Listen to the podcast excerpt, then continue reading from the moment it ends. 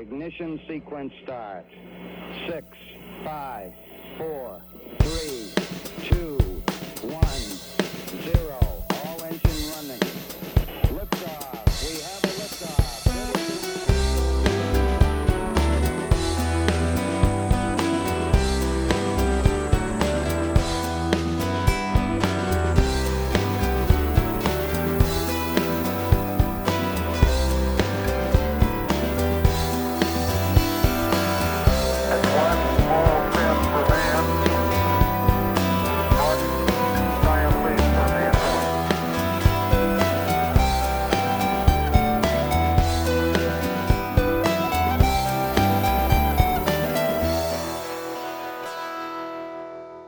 Hej och välkommen till Slottspodd som är Slottsskogsobservatoriets poddradiosändning. Idag kommer vi att prata om SpaceX på G igen, syrechock för 500 miljoner år sedan, ryska kosmonauter borta fast hemma, planeter packade som sardiner och planeter utan stjärnor. I programmet idag medverkar Emanuel Blume, som är jag, och Katja Lindblom Tjena. och Gunnar Sporrong. Hallå då.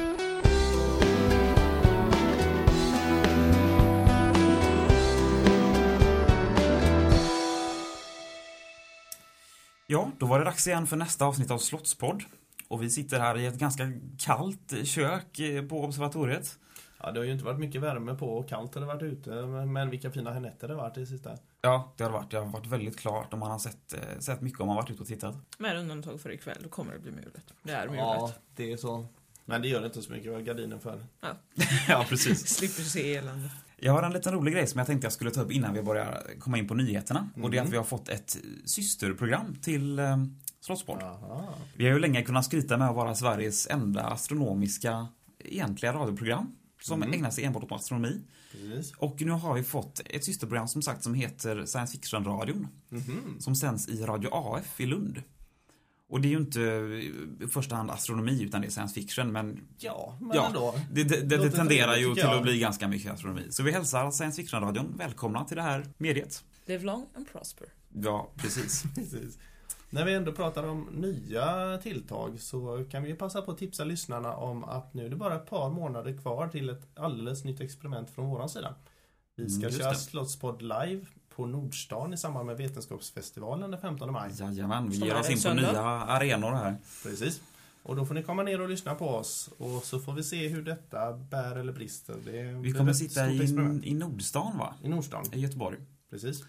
Eh, och eh, sitta och prata om astronomi. Vi kommer göra ett program helt enkelt och eh, folk kommer att titta på oss och lyssna på oss och... Och kunna ställa frågor. Ja, I direktsändning höll jag på att säga, blir det ju där nere men inte här. men det är inte förrän i... Maj den 15. precis. Så idag händer andra grejer. Ja, Och du kanske vill börja Gunnar? precis. SpaceX är på G igen. De har ju varit först med ett antal olika bedrifter, bland annat i december var de ju uppe med en liten eh, farkost som var i omloppsbana i två varv och sen skickades ner i eh, Indiska oceanen om jag inte missminner mig helt och hållet. Nej, Stilla havet var det faktiskt. Där de eh, landade den med tre stycken fallskärmar. Den singlade ner och de kunde plocka upp den oskadd. Förvisso utan någon i den men målet är att de ska kunna skicka upp astronauter i den här lilla eh, kretsarsonden då. SpaceX är väl egentligen det första stora kommersiella initiativet till att bygga rymdfarkoster. Absolut. Precis. Eller ett av de första stora men det första som eh, riktigt har slagit igenom, slagit igenom ordentligt. Ja. Ja. precis. Vilka är det som står bakom det här? Det är privatpersoner eller någon, jag tror det är någon eh, amerikansk miljardär som började med det hela och sen så har det blivit ett jag tror det är ett samarbete nu med flera in, som är med och investerar i det hela. Mm. Och just nu så investerar ju NASA lite grann i det för att de ska kunna få lite skjuts upp till rymdstationen när deras rymdfärja lägger ner år. Ja, precis. Den ska gå i pension nu. Precis. Och nu håller de på med nästa stora fokusområde vilket innebär att eh, de kommer inte lägga lika mycket på fordonet, det vill säga Falcon-raketen. Utan istället ska de lägga huvudkrutet på Dragon-kapseln som de kallar det, som är en lite häftigare kapsel som ska kunna lyfta både massa material och ett antal astronauter upp till omloppsbana. Är det två olika farkoster det här, alltså den här Falcon och Nej, man kan säga som så här att det är dels en farkost som transporterar saker och ting och det är själva Falcon-raketen. Mm. Och sen har de eh, olika kapslar som ska sätta på raketen som innehåller olika instrument eller olika laster då kan man säga. Så det är själva lastavdelningen som heter, som är en, det är en eh, modul till den här farkosten. Kan man säga. Ja, okej. Så att, eh, och just den här eh, Dragon-kapseln är lite större och sen kommer lyftas av en raket som istället för Falcon så heter en Falcon Heavy. Som kommer kunna lyfta lite extra då. Ja, Originellt. Ja, ytterst originellt. Och, eh, och det är den de hoppas kunna få upp till sommaren då när de ska åka upp med både, eller först och främst last till internationella rymdstationer för att visa vad de kan. Och sen så eh, kanske från och med nästa år våga skicka med astronauter då. Så det är på G, det är härligt att höra. Ja, verkligen. Vi ska hålla oss på jorden en liten stund till, tänkte jag. Det är nämligen så att amerikanska forskare har kommit fram till resultatet att för 500 miljoner år sedan så var syrenivåerna i atmosfären på jorden väldigt mycket högre än idag. Kanske till och med uppe mycket, så mycket som 30 procent. Idag är det väl vad är det, 21 21%. 21 procent, ja just det. Mm. Som vi människor är anpassade till att, att andas. Men man tror alltså att för en halv miljard år sedan så var, så var syrenivåerna mycket högre. Och de blev det ganska tidigt på grund av alger och grejer i havet som började producera syre då. Och de här höga syrenivåerna sammanfaller väldigt bra med den plötsliga, vad ska man kalla, eh, livs, eh, explosion, av liv i havet för ungefär 500 miljoner år sedan. Det, det är ju faktiskt ett begrepp inom den biologiska utvecklingen, den kambriska explosionen. Precis. Som inträffade i slutet av Mm. den kambriska eran då, kambriska Precis. perioden. Så vad som hände då i den här kambriska explosionen var alltså att enkla växtplankton plötsligt, ja plötsligt då i ett eh, Ja, ganska stort perspektiv, utvecklades till mer avancerade organismer och volymen liv så att säga blev väldigt mycket större väldigt fort. Och man misstänker nog att den kan ha, den, det kan ha fått en kick då av den här plötsliga syreökningen. Finns några idéer om hur eh, den plötsliga syretillförseln blev så plötslig? Ja, jag skulle tro att det är ungefär som när man tittar på en, om ni känner till den här hockeyklubbskurvan. Mm, mm. Alltså en, det är Nej. ju en... Ja, det är bra. Det är en, Ta eh, en kort resumé på den. Ja, precis. Hockeyklubbskurvan är en väldigt vetenskaplig eh, term. Onekligen upp. Ja, nej, nej men alltså det är egentligen en vanlig för, att göra en, för att göra en lång historia kort kan man säga då att den här kurvan är alltså en, den är hyfsat linjär under en lång tid för att sen plötsligt böja av.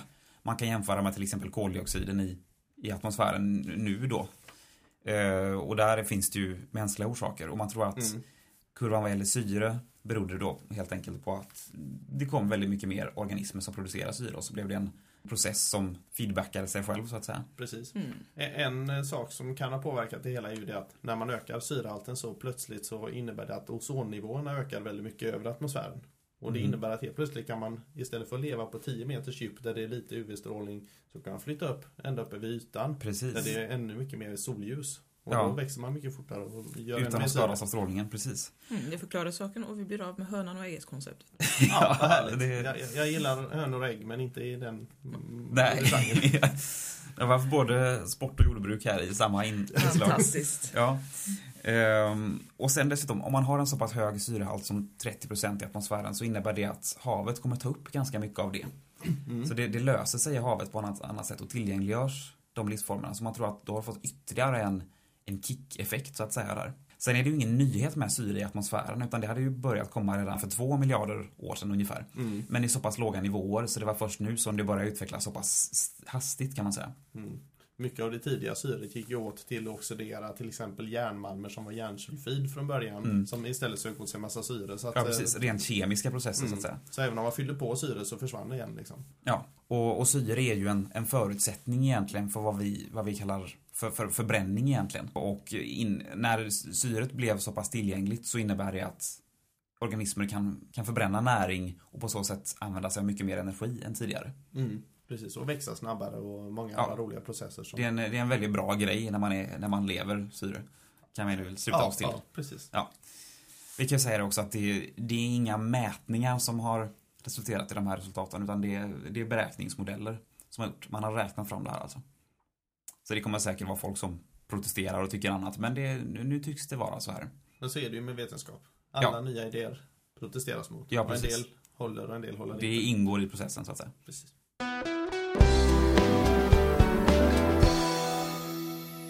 Ja, ni minns väl alla den här eh, ryska Marsresan som, ehm, Som är i Moskva. som Ja. är i Moskva. Ja, Precis. precis. En hemlig förläggning. Kanske Ja. inte så hemlig. Nej, precis. det, den är väl det- ganska det- känd numera. Ja, nu mer, mer. mer, mer en, en koppling till Big Brother där alla ser allt utom de som är där inne. Skulle jag vilja säga. Ja, Mm, det skulle man... det är Ja, inte helt oövertänkt. det, jag har tänkt på det. Det är väldigt Big Brother-känsla. Ja. Vi kanske ska berätta också för de som inte kommer ihåg vad det handlar om. Vad det handlar om. Jo, det var ju så att det var ju en, man hade faktiskt en tävling där vem som helst fick lov att anmäla sig för en 4-5 år sedan till det här projektet. Det var inom ESA va? Ja, jag tror det. Mm. Eller i alla fall inte vem som helst utan Ryssland eh, dominerar väl med fyra platser men det fanns två platser till man kunde slåss om då. Just det, i det här projektet. För att vara med om en simulerad Marsresa. Så att man eh, helt enkelt blir instängd i en, på en väldigt liten yta motsvarande ett eh, potentiellt rymdskepp som åker till Mars helt enkelt. Mm. Och sen vistas man inne i den här under 500 dygn tror jag det är. Ja. Det stod i såningen. Jag tror att de gjorde det i tre steg. Först Mm. var det nog två veckor tror jag och sen så var det 102 dagar. Och sista Mm. fasen som de är inne i nu Okej. undrar jag om den inte är 500 dagar. Okej. Det motsvarar alltså Mm. hela den tiden man räknar med att det tar Ja, precis. till Mars och tillbaka. Mm, Just det. Exakt, cirka två år skulle man kunna säga. Ja, Mm. precis. Det blir ja, något sånt. Ja, Ja. precis. Och nu är de eh, framme, så att säga. Eh, Ja. Om man nu kan vara framme på en stillastående farkost. Men eh, de har alltså kommit till Mars och tre stycken av eh, de här eh, fiktiva astronauterna eller kosmonauterna har fått lov att landa och gå ut och ta mineralprover. Det tycker jag verkar ruskigt spännande för de har säkert massa roliga stenar i Ryssland så att de är ute där och plockar lite Fantastiskt. De prover. kanske till och med hittar liv. Ja, Ja, precis. fascinerande. Ja, det, det talas om det men det är mest reportrar. Jag vet inte om det kan räknas. Jag tror inte det. Nej, Så- det beror på om de kommer ner i eh, vad heter den, permafrosten de Ja, har i, i Nej, Ryssland. den smälter, let's not go there. Nej, precis, just det, just det. Nej, så eh, de har i alla fall varit ute och samlat lite prover nu i två etapper. Så Mm. att eh, senaste turen var det ryska Alexander Smolejevskij och kinesiska Wang Ye som var ute och promenerade en liten tur. Medan tre stycken av dem sitter ju faktiskt fortfarande ombord på kretsarsonden runt Mars. Som, Just det. det får vara det. Det är li, li, lite grann den här känslan som man fick på Apollofärderna. Mm. Att en stackare får sitta och titta Ja. på. Nu är det Alltså, tre stackare som Stackars, stackars Michael Owen, som, Ja. eller Michael Owen som... eh, Collins. Vad är det, Collins? Ja, Michael Collins. Jag säger det, det är aldrig någon som kommer ihåg Ja, vad han heter. Michael Owen, är- vem är han? Han är typ sångare. Inte Skådespelare. Skådespelare, ja. I don't know. Shit. Ja, herregud. Ja, ja. Nu har vi så- täckt in underhållning. Ja, precis. Ja, precis. Det är Mångsidigt program. Väldigt allmänbildande måste jag säga. Ja. precis. Michael Eh, Collins heter han. Just det. Michael Collins. Och nu som sagt så hittar de här tre personerna kvar i omloppsbana och väntar på de andra tre som är nere och roar sig i eh, ryska utelivet. Och sen ska de följa med och åka hem igen och kommer inte hem förrän faktiskt i november. Mm. Så att, eh, och under den tiden så sitter de ju då i den här rymdsonden där de då inte kan kommunicera i realtid med omvärlden utan det tar Precis. ungefär 20 minuter varje väg för radiovågorna gå fast det gör de inte men de simulerar det för att det ska upplevas så verkligt som möjligt då. Precis. Så som jag minns det när det här utannonserades första Mm. gången för ungefär cirka Ja, i runda som två år sedan. Mm. Så gick testet, eller den här simulerade Marsresan eh, dessutom ut på att testa hur eh, kosmonauterna psykiskt påverkades av till exempel Mm. just eh, det här med den fördröjda kommunikationen och Mm. att eh, vistas instängda i det här utrymmet under en viss tid. Förekommer det nu några rapporter angående hur de mår? Jag har inte hört något ännu. Nu är de väl i och för sig ganska glada för att de har kommit halvvägs i processen så att säga. Jag läste om det tror jag. Jag Mm. jag vill minnas att så gick det ganska bra. Okej. Enligt de ryska myndigheterna som, som höll i det så att säga. Det Mm. påminner mig för övrigt eh, att jag stötte på en blogg Ja, eh, som uppenbarligen en av de här killarna sitter Ah. och skriver. Jo, just det. Alltså, jag ja. kommer inte ihåg vem av dem det var. Om du hittar den kan vi lägga en länk på vår eh, hemsida. Fixa det. Absolut. Men vi eh, lovar inget förrän vi vet att Mm. vi hittar den. Men det är alltså ganska mycket Big Brother över det måste man säga. Ja, absolut. De övervakas ju kontinuerligt av eh, helt bunt med forskare på utsidan. Ja, bråkar de på samma sätt som i Big Brother eller? Uppenbarligen gör de inte då, eller med tanke på att de då sa att de mådde bra. Nej, precis. Och Hittills är det ingen som har blivit utröstad i alla fall. Nej, det var jobbigt att bli utröstad i, i liksom halvvägs till mars. precis. Gå din De, väg. de kanske inte har så mycket, kanske inte får så mycket sprit och grejer som de får Nej, jag tror det är det och de behöver inte göra uppdrag för att få mat. Nej, Så, så det är klart att det blir lite lättare på det viset. ja, jag skulle tro att människor i allmänhet hanterar det här lite bättre än vad de gör i... I Big Brother. Ja. ja. Vi tror det. Ja, vi hoppas det. Nästa har vi.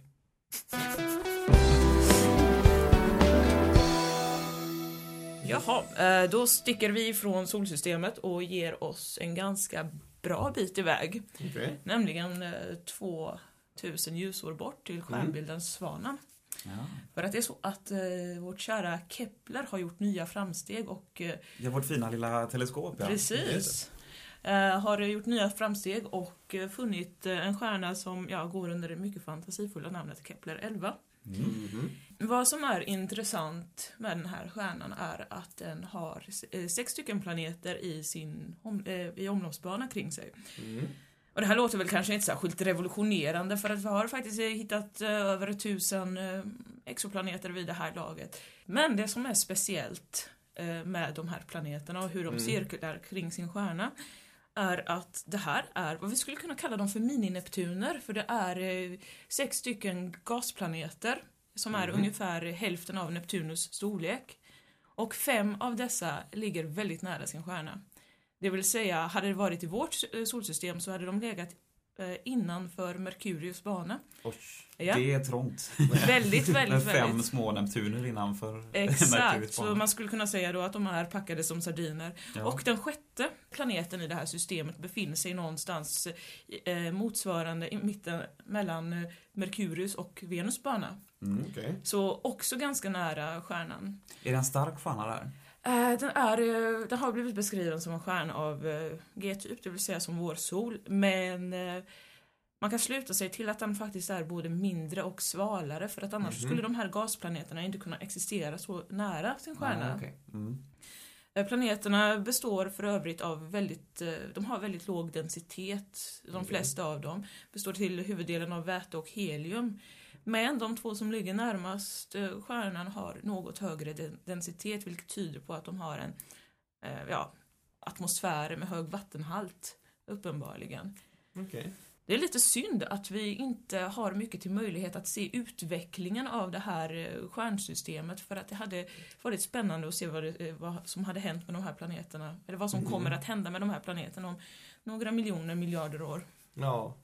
Om de klarar att ligga där och knö eh, innan, i samma, nästan i samma bana och sådär. Ja, eller om de ger sig ut på vift. Mm. Det blir inte nästa program. Det får bli en uppföljare på det. Ja, Precis. om, om, ja, precis. Det tar ju några år miljoner. Eller Ja. miljarder kanske rent av. Men är inte det rekord? Alltså sex planeter i samma solsystem. Alltså vi har ju vårt solsystem, har vi ju åtta. Mm. Men eh, jag, det är väl något till som man har hittat med så mycket som fem, sex. GLIS-systemet. Ja, precis. Men som vi har pratat om tidigare. nog eh, fem eller sex. Man Sex. var nog inte riktigt säker väl? tror att det är sex Ja, stycken. jag, jag tror det var så. Det var amerikanerna sa att det var sex stycken. Sen har europeer studerat samma data och kommit Ja, fram till det. fem. Så att eh, det är lite Ja, det de svävande. eh, tappade bort en planet där. Precis. Just det, Ja, så var det. Så, så, Amerikanska planeter tenderas ju att tenderar att tappas bort så att säga. ja, precis. Det är så. Det är så. Ja, Pluto var ju den enda eh, planeten som hittades av en amerikan Precis. än så länge och den Ja. fick ju inte vara planet längre. Nej, Nej, just det. uppfyllde inte standard. vi har lite högre krav på våra planeter här i Europa. Vi, vi döper bara efter gudar. De döper dem efter orangea hundar. Ja, precis. Bara en sån sak. Ja. Eh, Vänta på dvärgplaneten Mickey Mouse. Ja, Ja. precis. Länkar till eh, informationssidor om Kepler 11-systemet kommer att läggas upp på, i våra programanteckningar. Mm. Okej, så då kommer man kunna se lite hur stora de här planeterna är jämfört med jorden och sådär. Ja, precis. Det, jag tycker det är så himla häftigt det här med, som du sa förut, att man har hittat över tusen exoplaneter nu. Jag kommer ihåg för bara, Tre, må- tre månader sedan då? Eller så här. Mm. ja, Så då var det på då snackar vi 400 någonstans knappt- där. Ungefär fem- 500. Ja, Ja, knappt 400-500. Ja. Och det är alltså det här ett, ett teleskop, det här Kepler alltså, som har, som har fått det här att skjuta höjden så totalt. Ja. Mm. Det här med upptäckten av eh, nya exoplaneter har ju eskalerat något otroligt de eh, senaste åren bara. Mm. För att eh, med tanke på att den första upptäcktes så tidigt som 1992 och det sedan dröjde fem år innan de hitt- hittade ytterligare en så är det en fin jämförelse i Ja, hur det precis. Och sen under de närmaste eh, 20 åren efter 92 ungefär då, eller Mm. 18, Mm. så blev det ju, ja, man kom upp i 400-500. Ja, precis. Och nu bara poff! Explosion. Ja, Så um, jag tror att om vi uh, återkommer till det där om ett år, då vi, ska vi spekulera i att vi kan Åh, det här var jätteroligt. Ska vi ja. slå vad? Jag, jag, jag tror på um, 12 000 planeter om ett år. Okej, jag säger 18 000. Jag tar i lite där. Jesus. Har du någon... eh, 16 000. så- Ja, okej. Mm. Jag kompromissar och lägger mig mitt emellan. Ja. Åh, vet ni vad? Vi kan göra så här. Att ni som lyssnar på det här programmet kan faktiskt få mejla oss. Och Det- eh, ge era ja. förslag så kan vi se sen om ett år vem som hade rätt. Vi gör helt enkelt så att vi räknar ihop de som kommit närmast i mars nästa år. Och eh, de tio närmaste kan vi ju bjuda på ett gratis inträde.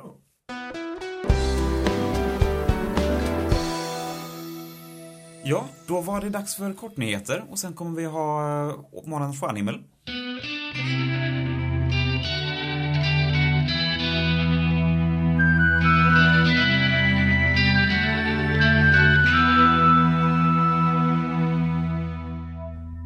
Liv kan vara möjligt på stjärnlösa planeter. Forskare från University of Chicago har i datorsimuleringar räknat ut hur planeter utvecklar sig om de skulle slitas bort ifrån sin stjärna, något man idag tror händer ganska ofta. En jordlik planet med ungefär 10 gånger vår vattenvolym skulle kunna hålla vattnet flytande under isolerande av is i eh, över en miljard år, berättar Dorian Abbott för New Scientist. Likaså med en planet med samma procent vatten som jorden fast om den var ungefär 3,5 procent större. Med detta i åtanke så ska man kanske tänka på det att livsformer skulle kunna föras rätt långa sträckor. På samma tid som den här planeten skulle kräva innan den blir bottenfrusen så skulle till exempel våran sol hinna mer än fyra varv runt galaxen.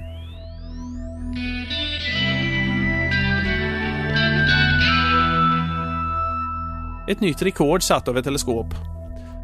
PS1-teleskopet på vulkantoppen Heliakali på Hawaii upptäckte den 29 januari 19 stycken så kallade jordnära asteroider. Av dessa kommer två stycken att komma extremt nära jorden de närmsta 100 åren, säger Nick Kaiser på Panstars-projektet. Exakt hur nära de kommer komma det får vi reda på om ett par veckor. Då man genom ett antal mätningar kunna få en betydligt exaktare bana. Men med all sannolikhet är det som vanligt att eh, det, de kommer passera riktigt nära jorden men inte så nära så att det kommer störa oss.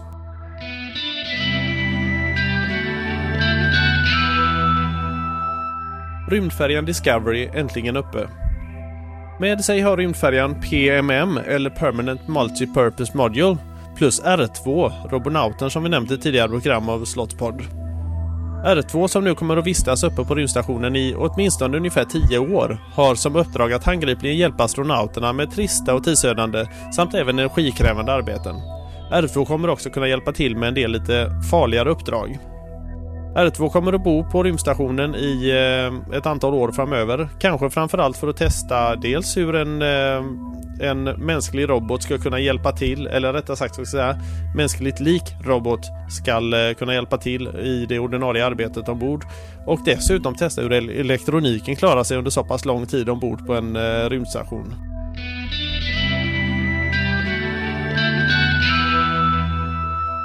Rymdsonden Stardust finner skotthål i komet Tempel 1.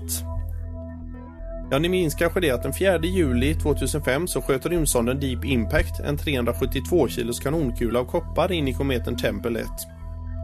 Nu fem år senare passerade rymdsonden Stardust Tempel 1 och hittade kratern.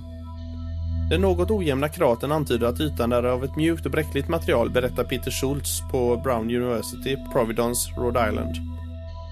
Dessutom så är kometen den första att observeras två gånger efter en passage kring solen, vilket tillför mycket nya data.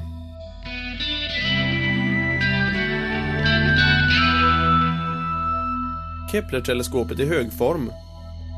Vid årsmötet för The American Association for the Advancement of Science den 2 februari presenterade Kepler-teamet åter nya data. Efter att ha observerat över 150 000 stjärnor har teleskopet funnit planeter kring 997 av dessa. Men då ska man hålla det i åtanke att det är bara de planeter som passerar rakt framför stjärnskivan som eh, teleskopet har en chans att upptäcka. Vilket gör det att ungefär 10 gånger så många planeter borde finnas där ute än de som just Kepler-teleskopet hittat. Trots detta bekymmer ligger nu det totala antalet eh, planeter funna utanför vårt eget solsystem på 1235 stycken. Idag är alltså den 25 februari.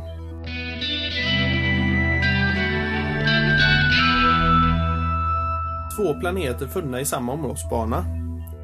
Kepler-teleskopet har funnit det som många väntat på men ingen hittills sett.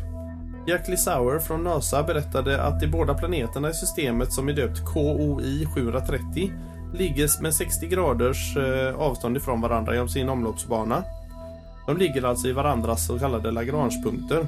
Edward Belbruno och Richard Gott på Princeton-universitetet berättar att jorden mycket väl kan ha haft en sådan tvilling, planeten Theia, som sedermera orsakade bildandet av vår egen måne.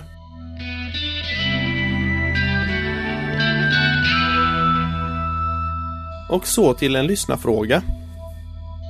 Kurt Steffner mejlade till oss i förra månaden med frågan Finns det någon förklaring till den här bilden? Jag tog bilden 27 december 2010 klockan 16.10 och det var bortåt 20 grader kallt. Hör gärna av dig. Hälsningar Kurt Steffner. Och eh, bilden, som ni kan, också kan se på vår hemsida, är en bild på en solnedgång med två stycken solar. En lite starkare till vänster och en lite svagare till höger. Jag känner igen fenomenet som eh, vad man kallar för vädersolar. Och vädersolar är helt enkelt en form av iskristaller som eh, inte är helt ovanliga. De brukar bestå av en platt sexkantig platta och precis under den så hänger en liten sexkantig stav ner. De här är ju förstås mikroskopiska men eh, ser i princip ut, princip ut som en sexkantig svamp. I och med hur de här kristallerna ser ut med den här lite tyngre ispelaren som hänger längst ner så kommer de alltid orientera sig likadant i atmosfären. Vilket innebär det att man får eh, samma typ av ljusbrytningsfenomen vid alla tillfällen. Och eh, är solen inblandad så kallar man de här fenomenen för halofenomen. Står till exempel solen väldigt högt upp på himlen så får man en rund ring som är ungefär 21 grader i diameter, eller ganska exakt 21 grader i diameter. Är solen istället väldigt nära horisonten så ser man på bägge sidor om solen, där som haloringen skulle ha passerat 21 grader ifrån, så ser man istället vad man kallar för vädersolar. Och ibland är det en och ibland kan det vara två. Och eh, Det blir alltså en koncentrerad ljuspunkt där ljus reflekteras eh, i de här sexkantiga kristallerna. Så det fenomenet som du har sett Kurt är alltså frågan om ett eh, halofenomen egentligen på grund av iskristaller i atmosfären. Och övriga lyssnare, har ni några fler intressanta frågor så får ni jättegärna ställa dem till oss på Slottspodd. Det är bara att mejla dem till Slottsskogsobservatoriet på, och alla adresser och sånt finns på vår hemsida.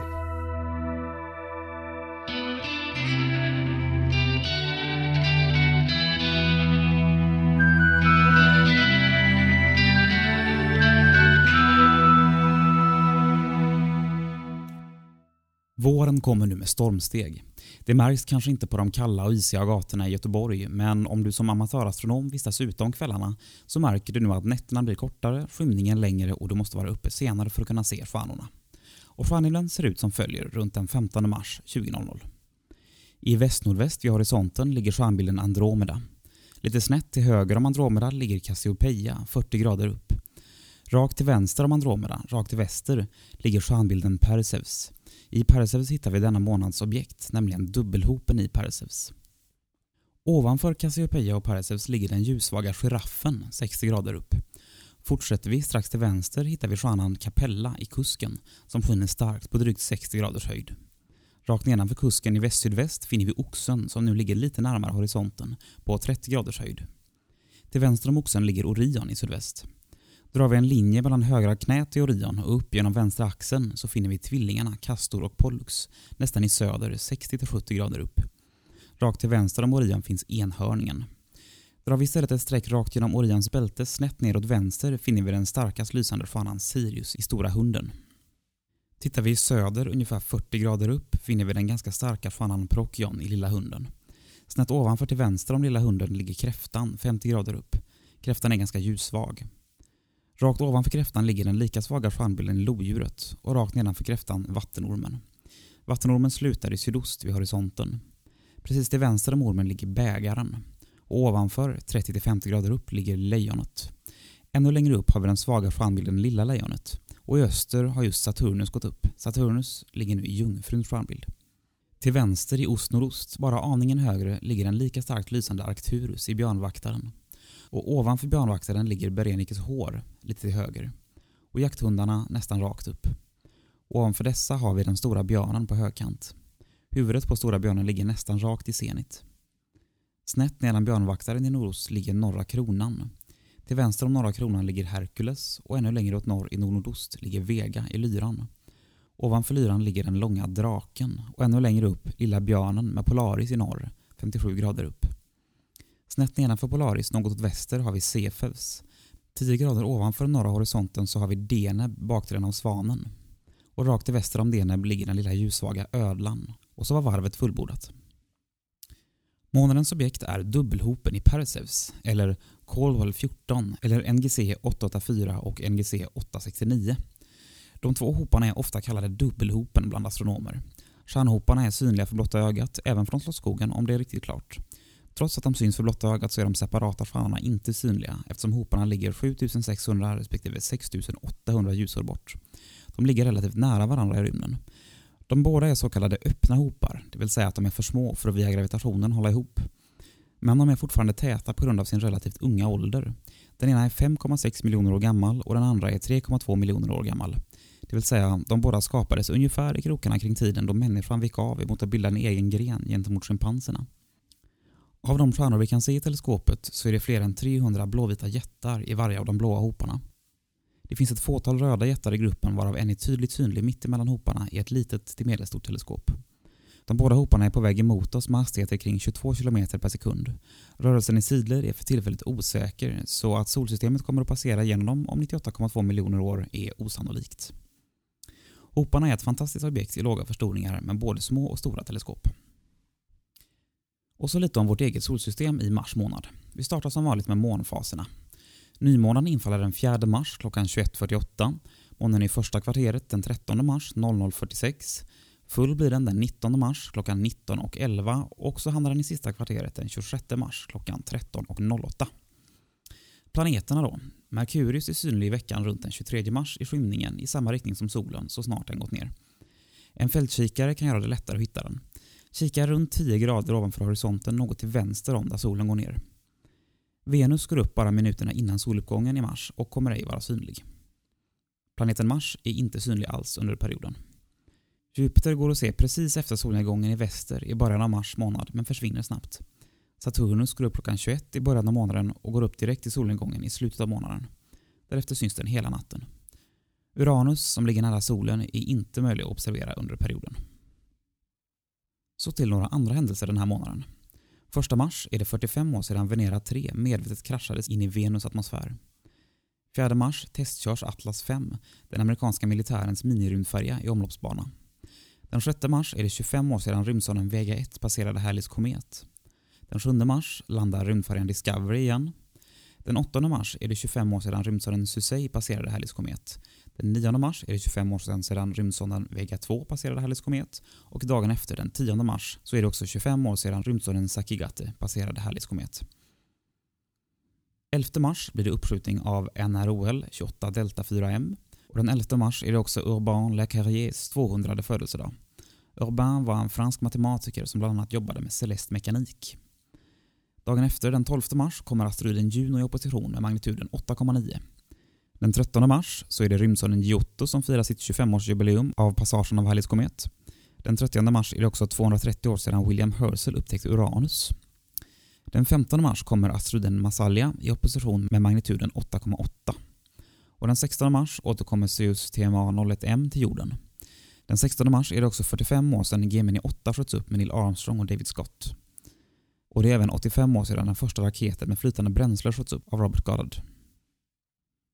Den 18 mars går Messenger in i omloppsbana runt Merkurius. 18 mars är också dagen då New Horizons passerar Uranus bana. Den 20 mars passerar Cassini Saturnusmånen Telesto. Den 20 mars kommer också vårdagjämningen här på jorden. Den 23 mars når Merkurius sin största östliga elongation och den 25 mars är det 15 år sedan Hyakataki passerade jorden på endast 0,1 astronomiska enheters håll. Den 27 mars infaller sommartiden och den 28 mars är det 25 år sedan rymdsonden ICE passerade Halleys komet.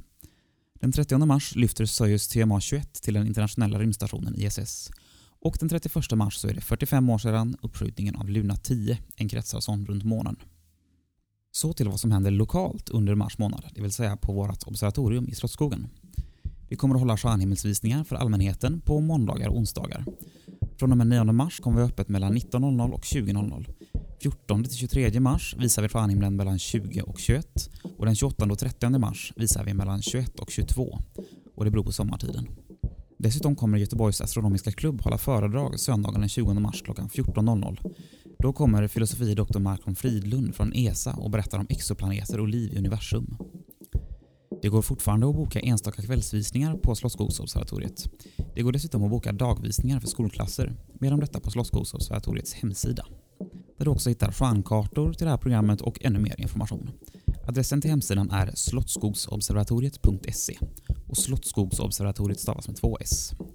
Skicka oss gärna dina frågor så tar vi upp dem och svarar på dem i programmet. I Slottspodd idag har du hört Gunnar Sporrong, Emanuel Blume och Katja Lindblom. Vad som händer på stjärnhimlen sammanfattades av Gunnar Sporrong. Musiken i programmet är komponerad av Emanuel Blume. Med detta vill vi önska er som lyssnar klara skyar.